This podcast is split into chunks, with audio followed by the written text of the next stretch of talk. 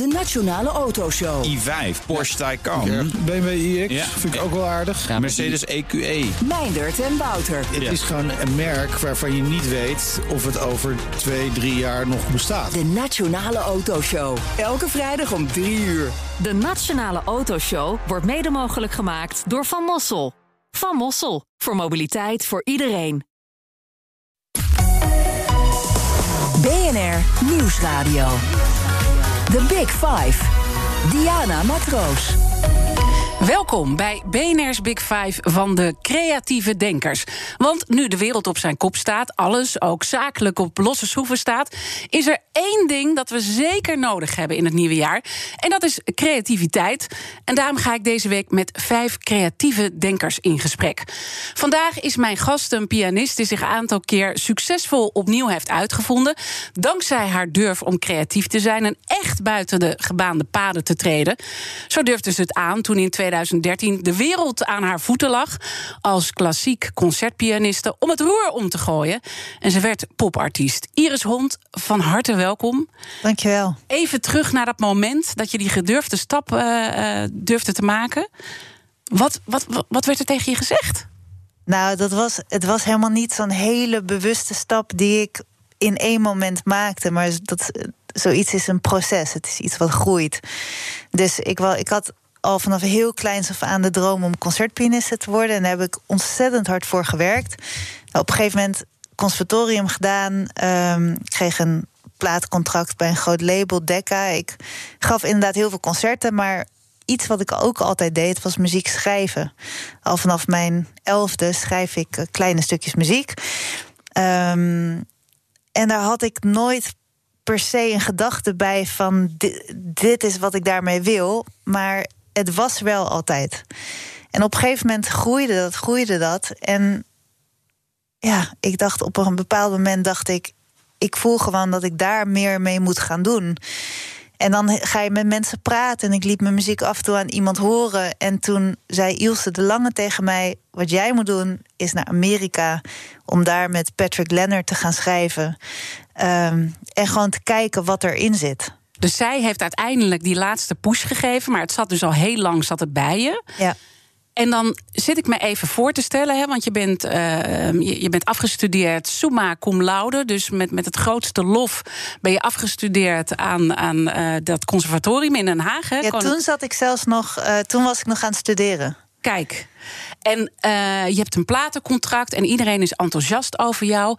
En hoe reageert dan die klassieke muziekwereld?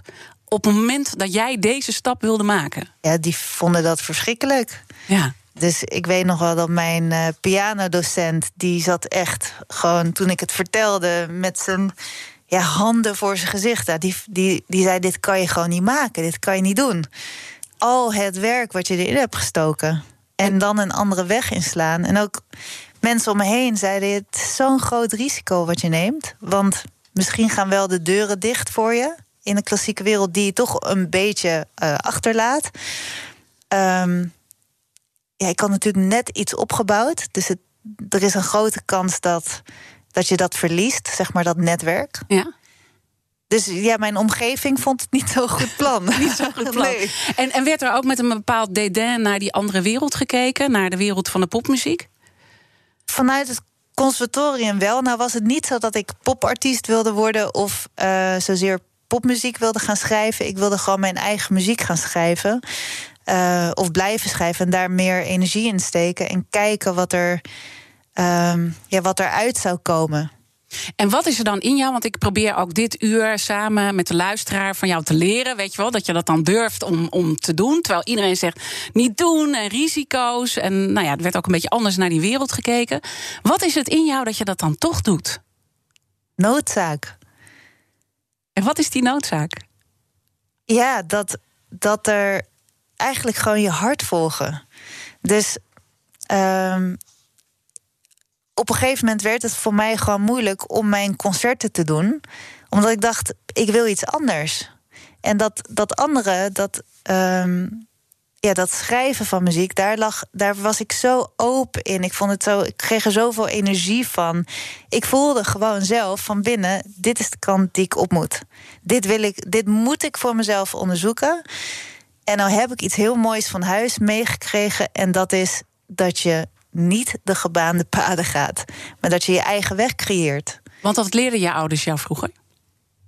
Nou ja, dat. Dus uh, bijvoorbeeld, uh, ik wilde dan. Uh, ja, hoe deden ze dat? Eigenlijk met alles. Als ik zei dat ik iets wilde, maar dat was niet gangbaar, dan zeiden ze: ga maar doen. Um, ik zei op mijn veertiende: ik ga naar het conservatorium in Den Haag. Dan ga ik het huis uit. En zei ze: ja. Moet je doen. Dat moet je doen. Als dat is wat je wil, als je overtuigd bent dat dat is wat je wilt, dan moet je daarvoor gaan. Vind je dat we dat als. Ik ben uh, zelf ook een ouder en er zullen vast ook veel ouders luisteren. Vind je dat, dat we dat als ouders meer moeten doen? Ik bedoel, je werkt ook met, met, uh, met kinderen, hè? dus je, je, je kent ook die doelgroep. Moeten we dat meer doen? Ik denk wel inderdaad meer kijken naar het kind en kijken van wat, wat, zit, wat wil het kind. Dus het kind heel authentiek laten zijn. In, ja, in plaats van um, in al die vaste, uh, hoe zeg je dat, vaste infrastructuur te zetten.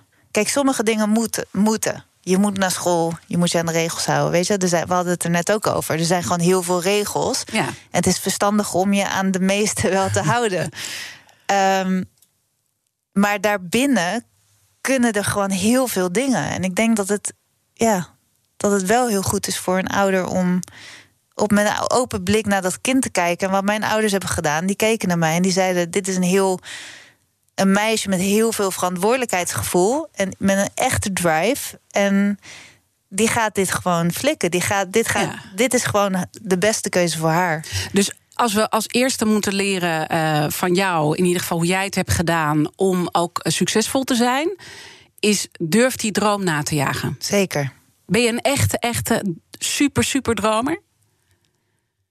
Uh, ik ben wel een dromer, maar ik, ik, ik, ik, uh, ik werk mijn dromen wel uit. Dus ik, ik maak er wel een plan achter. Het blijft niet bij dromen. Uh, dus ik zorg wel dat ze uitkomen. En ik heb jou eerder een keertje horen zeggen van het is juist het allerleukste om iets te doen buiten die gebaande paden. En dat iedereen dan zegt niet doen ja. en het dan toch lekker doen. Ja. Oh, ja. en wat is, daar, wat is daar het leuke aan? En volgens mij heb je dat ook heel van je vader geleerd, die overal een beetje tegenaan trapte. Hè? Daar Klopt. ben je wel mee opgegroeid. Wat is daar het spannende aan? Want je, je zoekt een beetje die randen op. Ja, maar het is niet zo dat ik bewust die randen opzoek. Dus het is niet zo dat ik denk van uh, hier is een randje, daar ga, of een beetje tegen dit huisje moet ik aantrappen. Gewoon om het trappen. Um, maar ik geloof heel erg dat als je um, sowieso creativiteit en innovatie, weet je, dat, dan ben je niet het gebaande pad aan het bewandelen. Het is altijd iets nieuws. Je moet altijd verder denken. Uh, ik denk met alle grote ideeën is het zo dat uh, mensen zeggen: ja, dat kan niet. Of dat moeten we niet doen. Of doe het maar niet. En juist dan, als je overtuigd bent van, van, van wat je wil zeggen, zeg maar.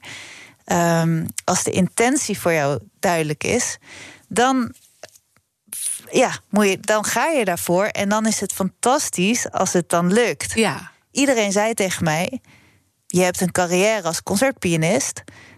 Je, gaat, je moet je niet gaan focussen op het schrijven van muziek. Want misschien kan je dat helemaal niet zo goed.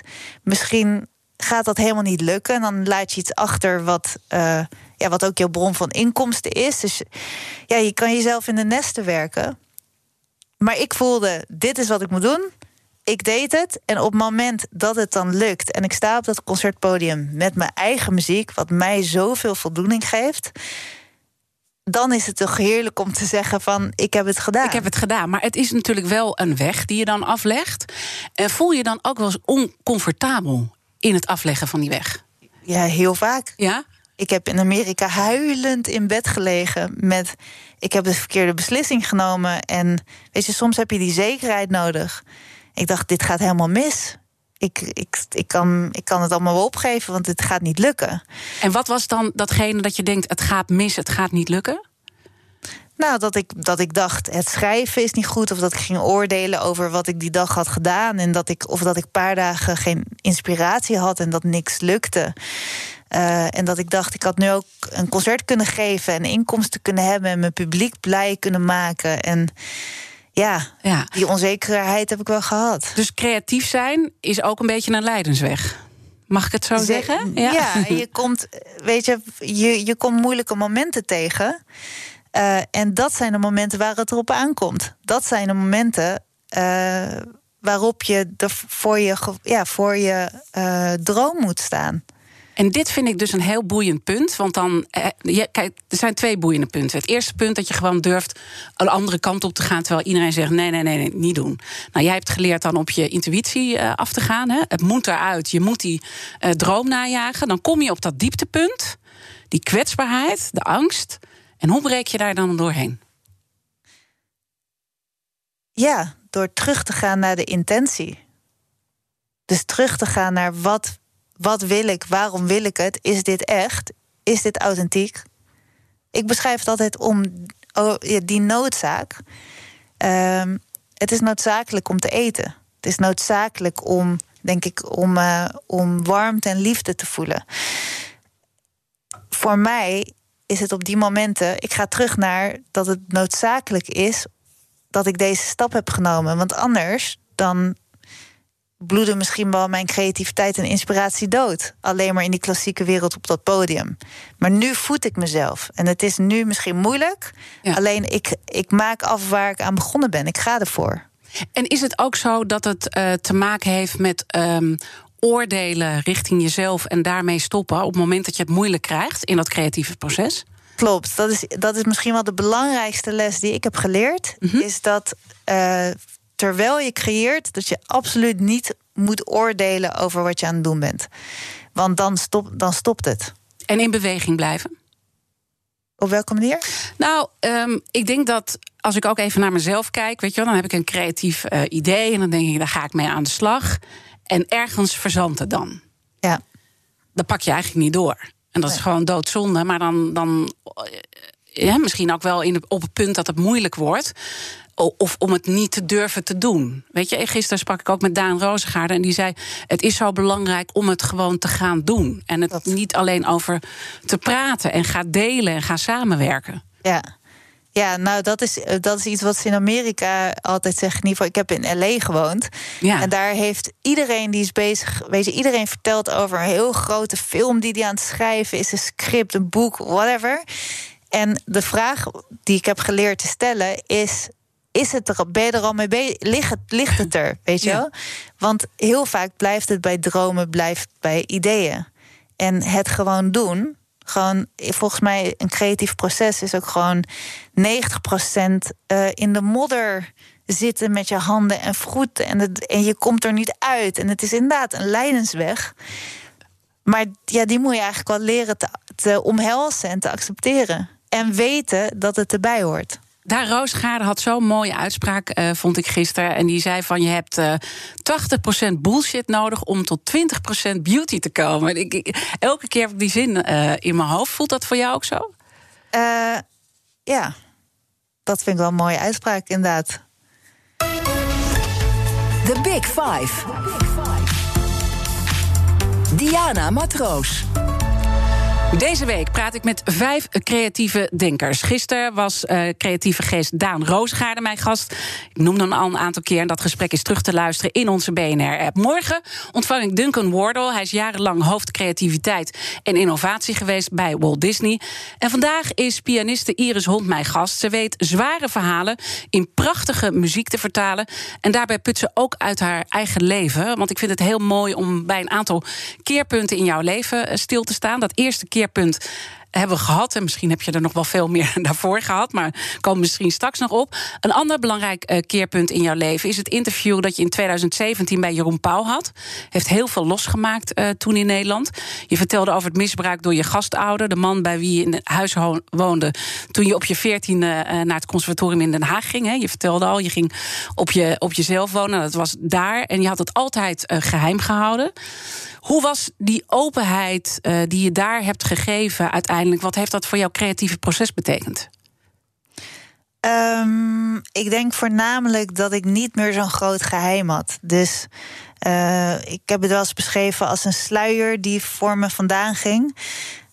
Ehm, ja, ik kon gewoon veel meer mezelf zijn. En, daar, ja, en daarmee haal je. Ik, ik haalde een sluier van mijn creativiteit af. Zeg maar, zo voelt het. Ik sta open. Ik stond in één keer weer heel erg open naar de wereld, verbindingen met mensen.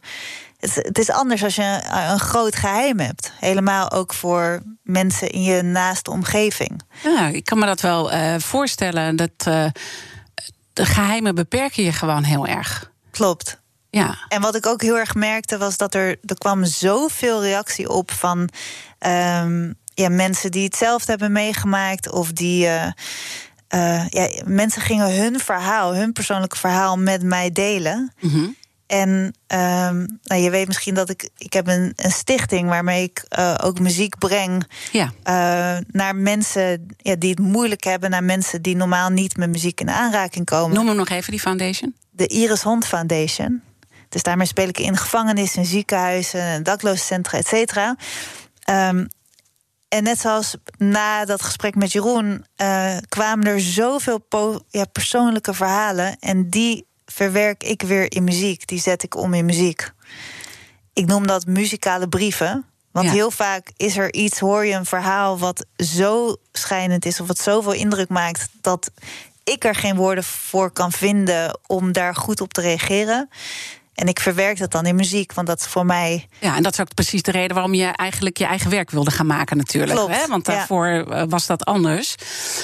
Dat, dat creatieve proces eh, vind ik mooi om, om toch ook eventjes met jouw ervaringen over in te zoomen. Want je hebt uiteindelijk zware verhalen, ook uit je eigen leven, altijd omgezet eh, in die muziek middels creatie.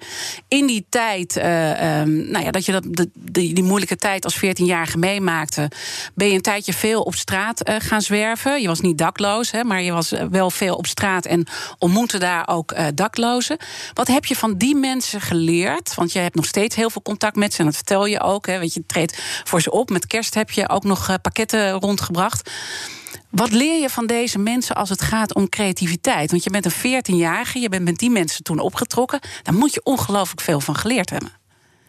Ja, ik denk wat ik voornamelijk heb geleerd, en dat is iets wat mijn vader mij heeft geleerd toen ik elf was, dat je ehm, verdriet, emotie, eigenlijk elke situatie die, eh, die moeilijk is, om kan zetten in iets moois. Dus je kan elke situatie gebruiken als inspiratie. En dat was ook toen ik inderdaad heel veel in aanraking kwam met daklozen, met thuislozen. Ehm, dat ik dat niet zag als een, ehm, als een hele moeilijke situatie, wat het natuurlijk wel was. Want ik heb me ontzettend eenzaam gevoeld. Ik heb me heel onveilig gevoeld. Maar dat ik, maar dat ik dacht, hoe kan ik dit nou omzetten in muziek? Wat kan ik hiermee doen? En hoe heeft, heeft zich dat geuit in die muziek? Ja, door mu- echt muziek te schrijven. En Ja. door. ehm, ja, ik geloof er gewoon niet in dat je een, een goed muzikant kan zijn als je alleen maar tussen vier gesloten deuren zit. Weet je, Ja. ik denk dat je wel het leven moet leven en dingen moet meemaken. In ieder geval voor mij Ja. Is dat zo. Maar ik kan me ook voorstellen dat je andere skills leert. Eh, dit zijn mensen die overleven op straat. En je hebt dat ook een heel klein beetje zo eh, meegemaakt eh, in die tijd. Eh, je ging ook wel eens, sloot jezelf op op het conservatorium om dan daar te slapen. Dat had dan niemand door. Dan moet je heel creatief en inventief zijn om tot dat soort oplossingen te komen. En ik kan me voorstellen dat door het contact met die mensen je nog meer creatieve skills hebt gekregen. Dus wat maakt een dakloze zo creatief waar jij iets mee kon? Ja, ja ik weet niet of, of ik het zo kan zeggen. Ehm, dat, dat ik iets over die creativiteit heb geleerd van hen. Maar wat ik wel heb geleerd is dat. ehm, het was in een periode waarin eigenlijk niemand wist hoe het echt met me ging. Ik had het heel erg het gevoel dat ik er alleen voor stond. Wat niet waar was, want ik had altijd naar huis kunnen gaan. Ik, had, ik heb twee fantastische ouders, maar daarvoor koos ik niet. Ehm, En had je ook allemaal goede redenen voor. allemaal maar redenen goed. voor, maar dat die mensen op straat die helemaal niks hebben, niks hadden, mij de warmte en de veiligheid konden geven. Dus zij zorgden echt voor mij.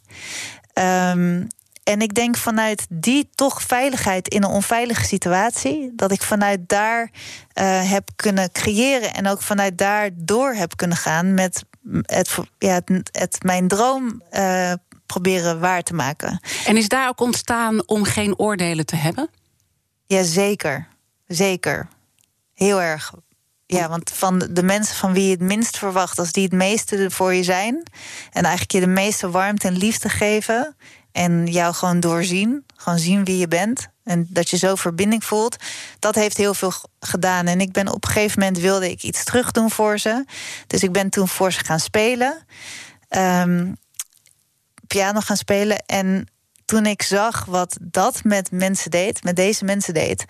ehm, ja, toen is eigenlijk ja, mijn stichting ontstaan. Die heb ik pas een paar jaar geleden opgericht. Maar het gevoel is toen ontstaan dat ik dacht: ik moet gewoon mijn muziek blijven brengen, mijn hele leven lang, naar mensen die niet met muziek in aanraking komen omdat ze vastzitten of dakloos zijn of in het ziekenhuis liggen, maar voor wie muziek heel betekenisvol kan zijn. En wat hoop je dan dat er dan gebeurt door jouw muziek met deze mensen te delen? Nou, wat ik merk is dat er eigenlijk altijd direct een, een, een moment van rust ontstaat. Um, mensen voelen zich gezien, mensen voelen zich gehoord. Ze kunnen. Um, ze, ze horen bijna hun verhaal vertaald in de muziek. muziek gaat gewoon overal dwars doorheen. En je speelt dan uh, in gevangenissen, uh, ziekenhuizen, ehm, voor daklozen. Dan kan ik me voorstellen dat dat brengt die mensen heel veel. Maar ik kan me ook voorstellen als je zoveel geeft en zoveel emotie loskomt, dat het ook heel veel energie kost. Klopt. Vertel daar eens over. Nou ja, dat, het is, uh, je kan je nooit op zo'n optreden voorbereiden. Want je weet nooit in wat voor situatie je terechtkomt. Uh, het is inderdaad zo dat, dat je alles wilt geven. Want ze hebben alleen maar dit moment met jou. Um, en de reactie is gewoon ontzettend heftig. Dus ik ga niet, ik speel niet alleen voor ze, maar ik ga ook met de mensen in gesprek. En um, ik heb hun ook tijdens zo'n optreden mijn verhaal verteld. Ik speel voor ze. Dus er komen, er komen heel veel emoties los. En zij delen hun levensverhaal met mij vaak. En dat, ja. Ja, dat is gewoon, dat kost veel energie. Dat is echt super waardevol. Maar ja. ik merk wel dat ik inderdaad uitgeput ben daarna. Dus dat is dus ook onderdeel van dat creatieve proces. Dat je dus uh, verbinding zoekt met andere groepen. Daar krijg je heel veel uh, kost heel veel energie, maar je krijgt ook heel veel verhalen terug. En dat scherpt jou weer in het maken uh, van jouw muziek. Dus het is wel mooi hoe dan die cirkel werkt. Maar ook dus dat je uiteindelijk, als het gaat om succes bereiken en creatief zijn, uh, hoor ik gewoon nu een paar keer: het kost je ook heel veel. En het levert je heel veel op. En je kan niet anders. Je moet altijd investeren. Je ja. kan niet, ja, het is hetzelfde concertpianist. Dat word je niet door af en toe een beetje piano te spelen. Ik heb echt gewoon vanaf heel kleins af aan acht tot tien uur per dag gestudeerd. Weet je, als mijn vriendinnetjes buiten speelden, was ik aan het piano spelen. Uh, ik weet nog, dan ging ik in het weekend naar huis. En dan op vrijdagavond uh, gingen we dan wel eens uit eten. Nou, dan zei ik, uh, ik heb 45 minuten en dan moet ik weer studeren. Niet te geloven, ja. Dus weet je, vakantie kon niet zonder dat daar een piano stond. Dus het is discipline? Ja, het is complete toewijding, discipline. Gewoon altijd voor ogen hebben van waar wil je heen? En tegen jezelf zeggen: ik ga er alles voor doen om dat doel te bereiken. Ik ga straks verder praten met pianiste Iris Hond. En ook hoe uh, zij haar creativiteit nu in deze coronatijd uh, inzet. Want ook, uh, ja, je bent een artiest. En natuurlijk een heel erg moeilijke tijd voor artiesten in deze tijd. Dus laten we daar straks verder over praten. BNR Nieuwsradio. The Big Five. Diana Matroos. Welkom bij het tweede halfuur van BNR's Big Five. Fijn dat je weer luistert. Deze week praat ik met vijf creatieve denkers. Zoals morgen Duncan Wardle, mijn gast. Hij was jarenlang hoofd creativiteit en innovatie bij Walt Disney. En vandaag bij mij te gast pianiste Iris Hond... die een aantal keer haar leven succesvol omgooide dankzij creativiteit. Voordat ik met haar verder praat over muziek maken in tijden van corona... is hier eerst mijn collega Iwan Verrips... met het laatste nieuws uit de Verenigde Staten. En soms, Iwan, is er ook geruststellend nieuws. Ja, je hoort het al in de nieuwsupdate van het ANP... namelijk dat uh, Donald Trump in een verklaring heeft beloofd... dat er een ordelijke overgang van de macht komt. Nou, dat is misschien Oh, een geruststellend bericht. Zeker na de afgelopen ongeveer eh, 12, 13, 14 uur. Ehm, en die verklaring die kwam nadat het congres een eh, minuutje of 40 geleden, dat was inmiddels dus diep in de nacht in Washington, bekrachtigde dat Joe Biden inderdaad de nieuwe president van de Verenigde Staten zal worden. En dat klonk toen zo. The votes for President of the United States are as follows Joseph R. Biden Jr. of the state of Delaware has received 306 votes. Donald J. Trump of the state of Florida has received 232 votes. The votes for Vice President of the United States are as follows Kamala D. Harris of the state of California has received 306 votes. Michael R. Pence of the state of Indiana has received 232 votes. The announcement of the state of the vote by the President of the Senate shall be deemed a sufficient declaration of the persons elected President and Vice President of the United States, each for the term beginning on the 20th day of January 2021. Ja, de man die je hoort spreken is Mike Pence, de vicepresident... die ook als voorzitter van het congres eh, fungeert. Eh, die dus aankondigt dat hij zelf verloren heeft. Dat lijkt me ook een bijzondere taak om te doen. Normaal een formaliteit, zo'n vergadering... maar eh, we weten hoe het de afgelopen uren verlopen is. En omdat Biden en Harris dus allebei meer dan eh, 270 kiesmannen hebben binnengehaald... wordt Biden op 20 januari, over twee weekjes... geïnaugureerd als 46e president van de Dus VS. dat gaat gewoon door. Maar we hebben natuurlijk nog Trump. Wat stond er verder in de verklaring van Trump? Nou ja, Trump heeft die verklaring niet zelf gepubliceerd, want hij eh, mag niet meer publiceren. Hij is eh, door Twitter eh, verwijderd voor in ieder geval 12 uur. Heeft hij een soort Twitterstraf gekregen. Er zijn een paar berichten verwijderd, waaronder dat filmpje van gisteren, waarbij hij zei tegen die extremisten: ja, ga weg bij het Capitool. Maar waarbij hij wel lovende woorden voor die mensen had. We love you, zei hij, geloof ik. Facebook en Instagram hebben hem ook geblokkeerd, dus daar kan hij niet terecht. Het bericht is gepubliceerd door Dan Scavino. Dat is een social media baasje van het Witte Huis. En daarin valt verder te lezen dat Trump zegt dat hij het niet eens is met de uitslag. En hij vindt dat de feiten aan zijn kant staan. Maar toch zal 20 januari een eh, ordelijke overgang plaatsvinden. En hoewel dit dan het einde betekent van de grootste eerste termijn in de presidentiële geschiedenis, is dit slechts het begin van onze strijd om Amerika, eh, Make America Great Again. Ja, en nu dan? En nu eh, is de laatste horde eh, genomen na een bizarre avond en nacht. Met als dieptepunt die bestorming dus door het Capitool. Waarbij bleek vanmorgen vier mensen overleden zijn. eh, een, waaronder een vrouw, een dertiger, omdat ze dus gewoon doodgeschoten is daar. Heftig. Over twee weken dus die inauguratie. En de vraag die nu een beetje boven de markt hangt is... hoe komen we die week in vredesnaam door?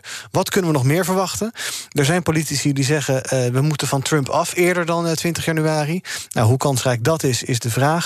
Eh andere vraag die eh, ook nog hangt is... gaan er nog meer mensen in Trumps entourage vertrekken? Er zijn al een paar mensen, ongeveer drie uit zijn nabijheid... eh, vertrokken omdat ze het hier niet mee eens zijn.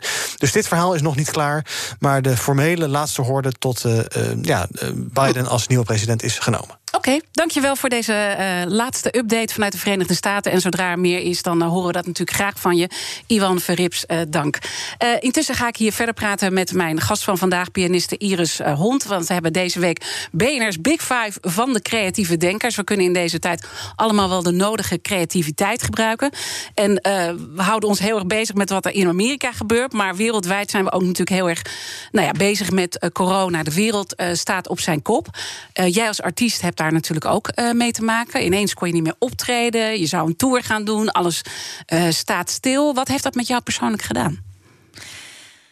Ja, eh, het is een uitdagende tijd. Ehm, ik zat twee keer midden in mijn tour, dus die werd twee keer stilgelegd. Ik moet zeggen dat ik in het begin van, eh, de, zeg maar tijdens de eerste lockdown, dat ik ontzettend veel rust kreeg. Want ja, je hebt een soort van verplicht vakantie. Dus ik kwam in één keer toe aan allerlei dingen die ik heel fijn vind om te doen, maar nooit aan toe kom. Dus schilderen, schaken, Ja. klusjes doen in huis. Ehm, dat zijn ook de momenten dat bij mij dat ik creatief word. Dus op het moment dat ik de ruimte heb en de rust heb, dan gaat er in één keer van alles borrelen. Dan hoop je dat je weer op tournee mag. Ehm, maar dan wordt dat ook afgekapt. Ja, en toen dacht ik, oké, nu is het wel gewoon, nu heb ik die rust niet. Eh, ik, ik heb nu gewoon zin om nieuwe ideeën te ontwikkelen en, en ook de dingen die ik had bedacht om toch ja, contact te blijven houden met mijn publiek, om die uit te voeren. Dus toen ben je ook uh, nieuwe concepten gaan bedenken in die tijd. Dus je hebt eerst de rust omarmd en toen moest er toch weer iets uh, gebeuren. En komt dan die creativiteit op gang. En toen ben je muzikale brieven gaan schrijven. Dat deed je trouwens ook al hiervoor. Ja. Maar ook echt voor het bedrijfsleven. Hoe, hoe, hoe werkt dat? Ja, klopt. Uh, nou, wat ik merkte was dat er heel veel mensen waren, vooral ja, heel veel bedrijven die. Um, ja, die een positieve boodschap wilden geven aan hun klant of aan hun medewerkers. Iedereen komt natuurlijk in zwaar weer. Mm -hmm. um, dus ja, ik heb zeg maar wat er dan gebeurt is, ik krijg een vraag van zou je een muzikale brief voor mijn klanten kunnen schrijven met deze boodschap? Dan ga ik met zo'n iemand ga ik in gesprek, waar dat normaal gezien uh, even tussendoor moest in de auto, weet je, onderweg naar een optreden, had ik daar nu gewoon alle rust en ruimte voor. Dus zat ik soms wel twee uur met iemand aan de telefoon, kon ik echt die boodschap uh, helemaal tot me nemen die diegene wilde overdragen aan zijn klant of aan zijn medewerkers. En vervolgens vertaal ik dat in muziek. En kan je dan ook een bepaalde rode draad uh, vinden waar mensen nu, bedrijven in coronatijd mee bezig zijn in de boodschap die ze willen brengen? Ja, toch een hele. Dus het is, het is heel vaak van: oké, okay, 2020 was moeilijk, maar in 2021 gaan we met uh, volle energie en, uh, en ja, nieuwe plannen, nieuwe ideeën gaan we het gewoon doen. En um, ik denk wat, wat nog meer dan ooit belangrijk is, is verbinding. Dus dat voel ik ook wel. Zeg maar, mensen willen hun klanten toch bij zich houden. Ze willen laten weten, we zijn er nog, we, we doen er alles aan. Uh, bedrijven zitten in zwaar weer, dus willen hun medewerkers een hart onder de riem steken en zeggen van we zijn er voor je en we denken aan je. Dus die echte verbinding die nu ontstaat, dat is heel erg aanwezig volgens mij. En dat vind ik ook wel heel mooi om te zien. Maar tegelijkertijd valt er ook heel veel creativiteit uh, weg. Hè? Want dat zie je ook uh, in, in bedrijven. Ik bedoel, het brainstormen met elkaar is allemaal veel moeilijker geworden. Met Zoom kom je toch niet tot datzelfde niveau. Maar het biedt ook wel weer heel veel mooie kansen. Weet je, wel. Dus je ziet ook wel uh, positieve dingen ontstaan. Hoeveel creativiteit raken we nou kwijt in deze tijd en hoeveel krijgen we terug? Ik, ik denk dat dat per bedrijf natuurlijk heel erg verschilt. Het, ja, het ligt natuurlijk aan wat nog wel kan, of als je als bedrijf echt helemaal niks meer kan. Ik denk dat ik geloof er heel erg in dat op het moment dat je de situatie accepteert, dus dat je er niet tegen gaat vechten in jezelf en niet alleen maar gaat zitten balen, ja, dat er dan altijd wel mogelijkheden zijn. Ja. En, en daar word je heel creatief van. Dus misschien is deze tijd wel een uitnodiging om uh, jezelf opnieuw uit te vinden. En om juist heel creatief te zijn. En dan zit ik me toch weer even te verplaatsen. Heb ik vaker gedaan deze week aan mensen die het gewoon nu echt heel moeilijk hebben. Weet je wel, ook bedrijfsmatig echt in de schulden komen, handen in het haar. We hebben net in het eerste deel gesproken over een aantal moeilijke momenten die jij ook in je uh, leven hebt meegemaakt. Hoe kan je dan die knop vinden om te doen wat jij net zegt? Ja, lastig. Um die, die, ja, die knop, dat, dat weet ik niet. Ik denk tegen jezelf zeggen van ik wil vooruit. En ik, en ik blijf er niet in zitten. Ik blijf er niet in hangen. Um, ja, ja, misschien wel een totaal andere weg uh, inslaan. Of misschien wel um, ja, toch met diegene gaan samenwerken. Of weet je wel, er zijn ja. misschien wel die dingen die je normaal gezien nooit zou doen of aan de kant hebt gezet. Misschien zit daar wel in één keer heel veel in. Ja. En ik denk toch wel echt een kern ook van wat jij net zegt en ook eerder in de uitzending hebt gezegd. Van, van durf te zeggen: dit, dit, dit is niet uh, mijn situatie voor altijd. Ja. En durf daarin uh, ook te dromen. Ik ben zelf in armoede opgegroeid. En uh, dat delen we met elkaar. Dat dromen, dat heeft mij heel erg geholpen. Klopt om daaruit te komen. Om altijd die grote droom uh, te zien. En, en ook tegen mezelf te zeggen: dit is niet een blijvende situatie. Dit is niet mijn pad. Ja, de, en er is altijd een weg naar boven. Altijd. Of het nou linksom, om, linksom of rechtsom. Uh, ik dacht op een gegeven moment, dat denk ik nog steeds. Wat nou als dit nog vijf jaar duurt? Het gaat niet gebeuren. Maar wat nou als ik niet meer kan optreden? Ja. Wat ga je dan doen? Hoe hou je je contact met je publiek? Want die mis ik ontzettend. Nog meer dan het optreden zelf mis ik gewoon contact met je publiek. Mis je ook het applaus? Nee, daar, Nee? Daar, ik sta bij het applaus. Dat heb ik echt moeten leren om dan echt met, weet je, stralend daar te staan. Ik denk altijd, oké, ik vlucht van het podium af. Waarom is dat? Ja, dat weet ik Het is niet. toch een erkenning van jouw werk? Ja, maar die erkenning is moeilijk. Eh, Weet je, een compliment is best moeilijk in ontvangst te nemen. Ja. Maar voor mij zijn er ook dingen geweest. Bijvoorbeeld, ehm, ik heb nu een webshop. Nou, dat is totaal niet iets wat. wat wat, weet je, dat is wel vaker tegen mij gezegd. Je moet een webshop beginnen. En dacht ik, ja, Ja. dat past echt niet bij mij. Nu, in één keer, dacht ik, het, nu past het wel. Want het is nu juist mijn manier om contact te houden met mijn publiek. Ja, Dus dat is het allerbelangrijkste, die, die verbinding te zoeken. Want ontstaat dat dan als je toch filosofeert voor jezelf... stel dat ik vijf jaar niet kan optreden?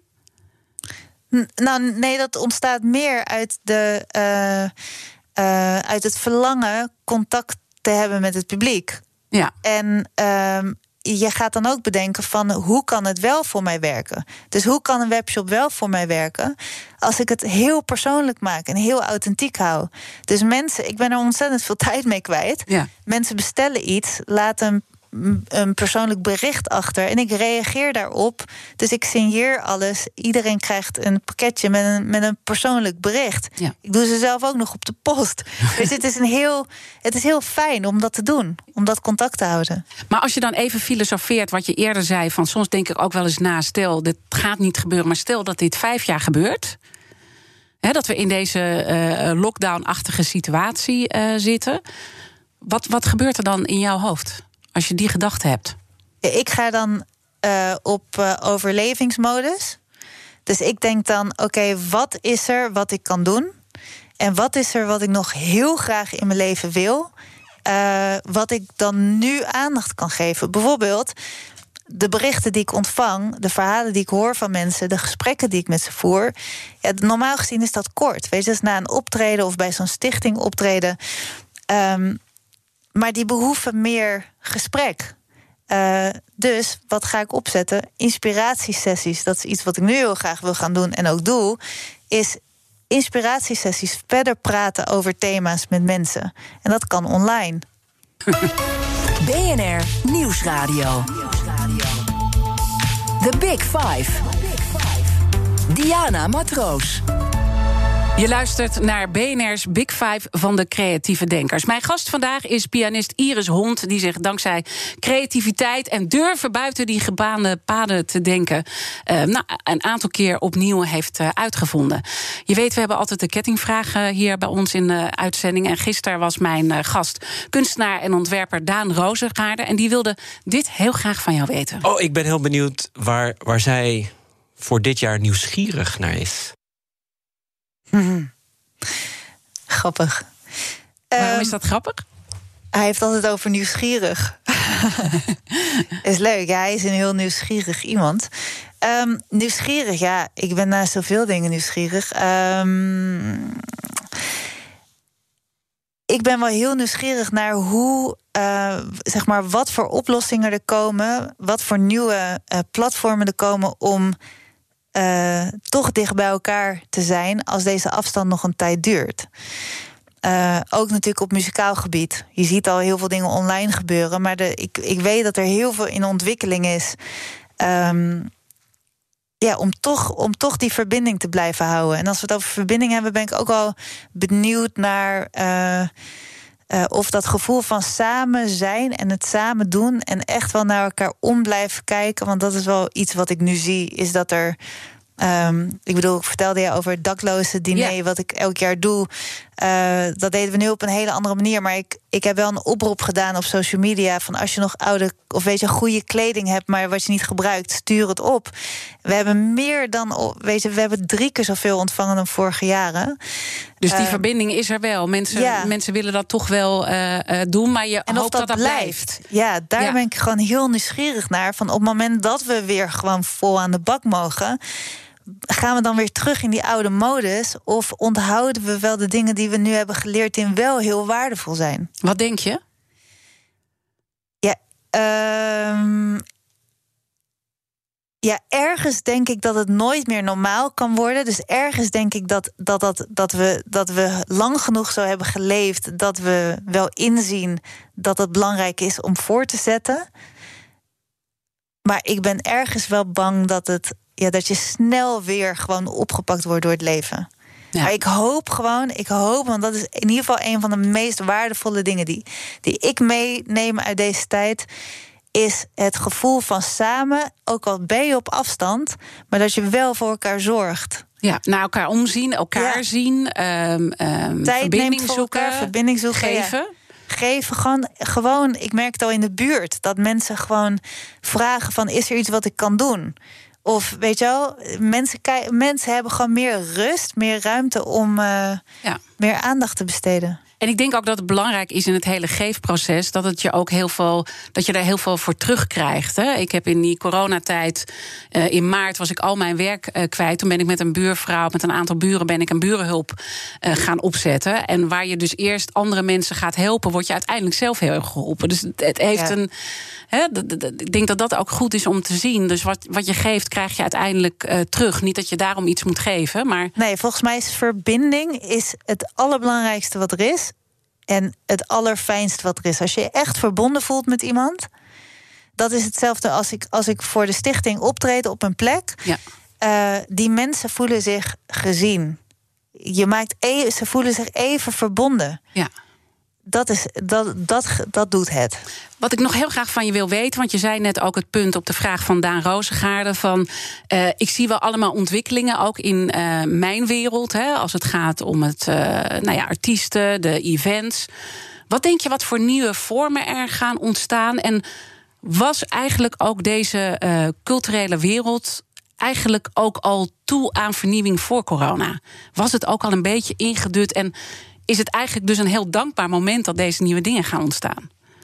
Ja, dat, eh, dat ik, ik, ik, ik denk dat het niet heel zwart-wit is, maar ik denk wel dat.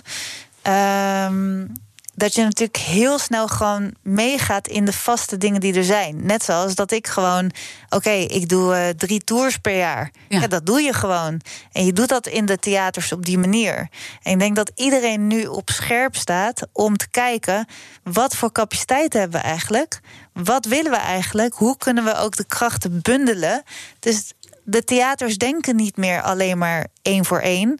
In één keer denken ze, hoe gaan we samen theaterland overeind houden?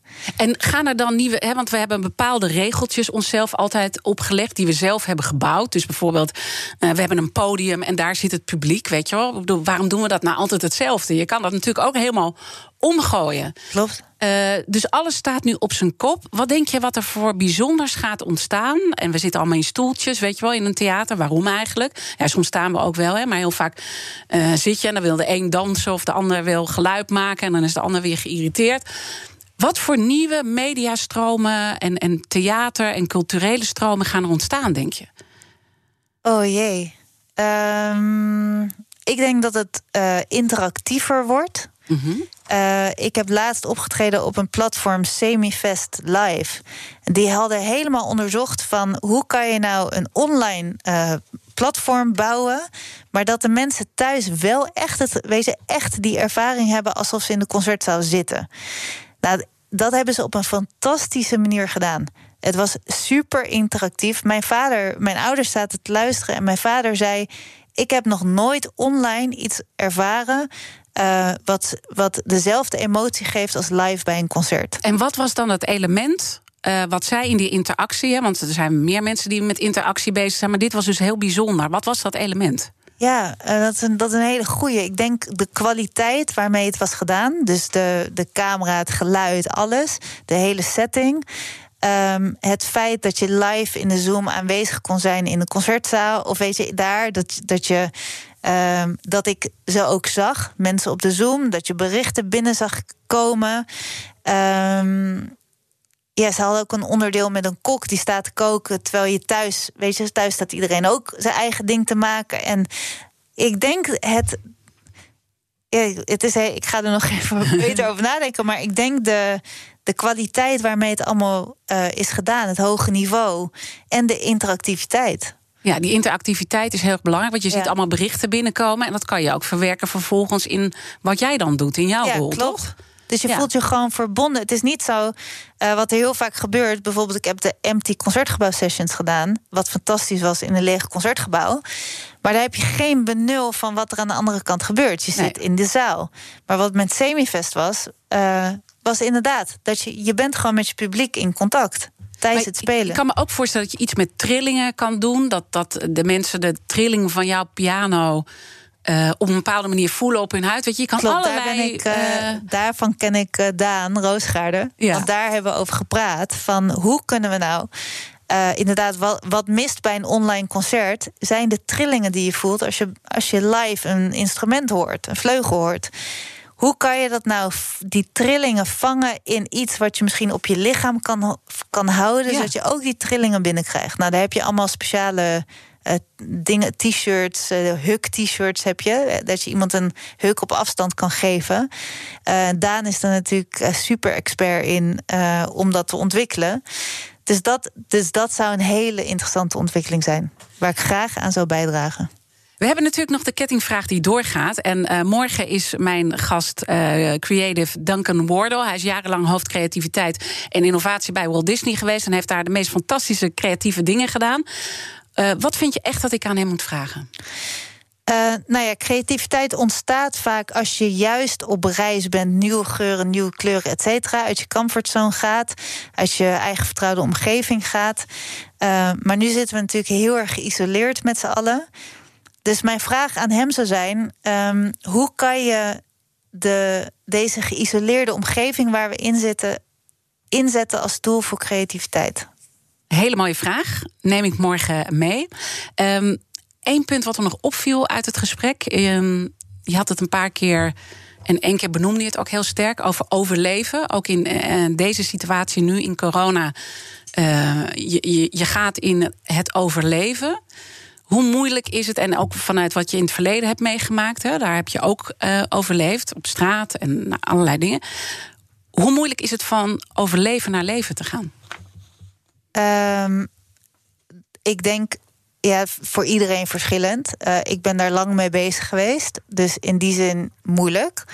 Ehm, eh, ja, ik denk, als ik het nu heb over overleven, dan is dat er op een hele andere manier.